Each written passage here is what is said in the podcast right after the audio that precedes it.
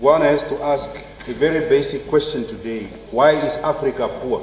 Why do we have rampant poverty on the African continent? One answer is that while we are a repository of close to 36% of the world minerals, we are the poorest because we mismanage, we undermanage the resources that we have. And that is why Africa today is lacking its own intra-Africa trade. It can't trade with itself because it has not created critical value chains that are supposed to create the necessary jobs and add foreign currency valuta to our economies for the growth of our people.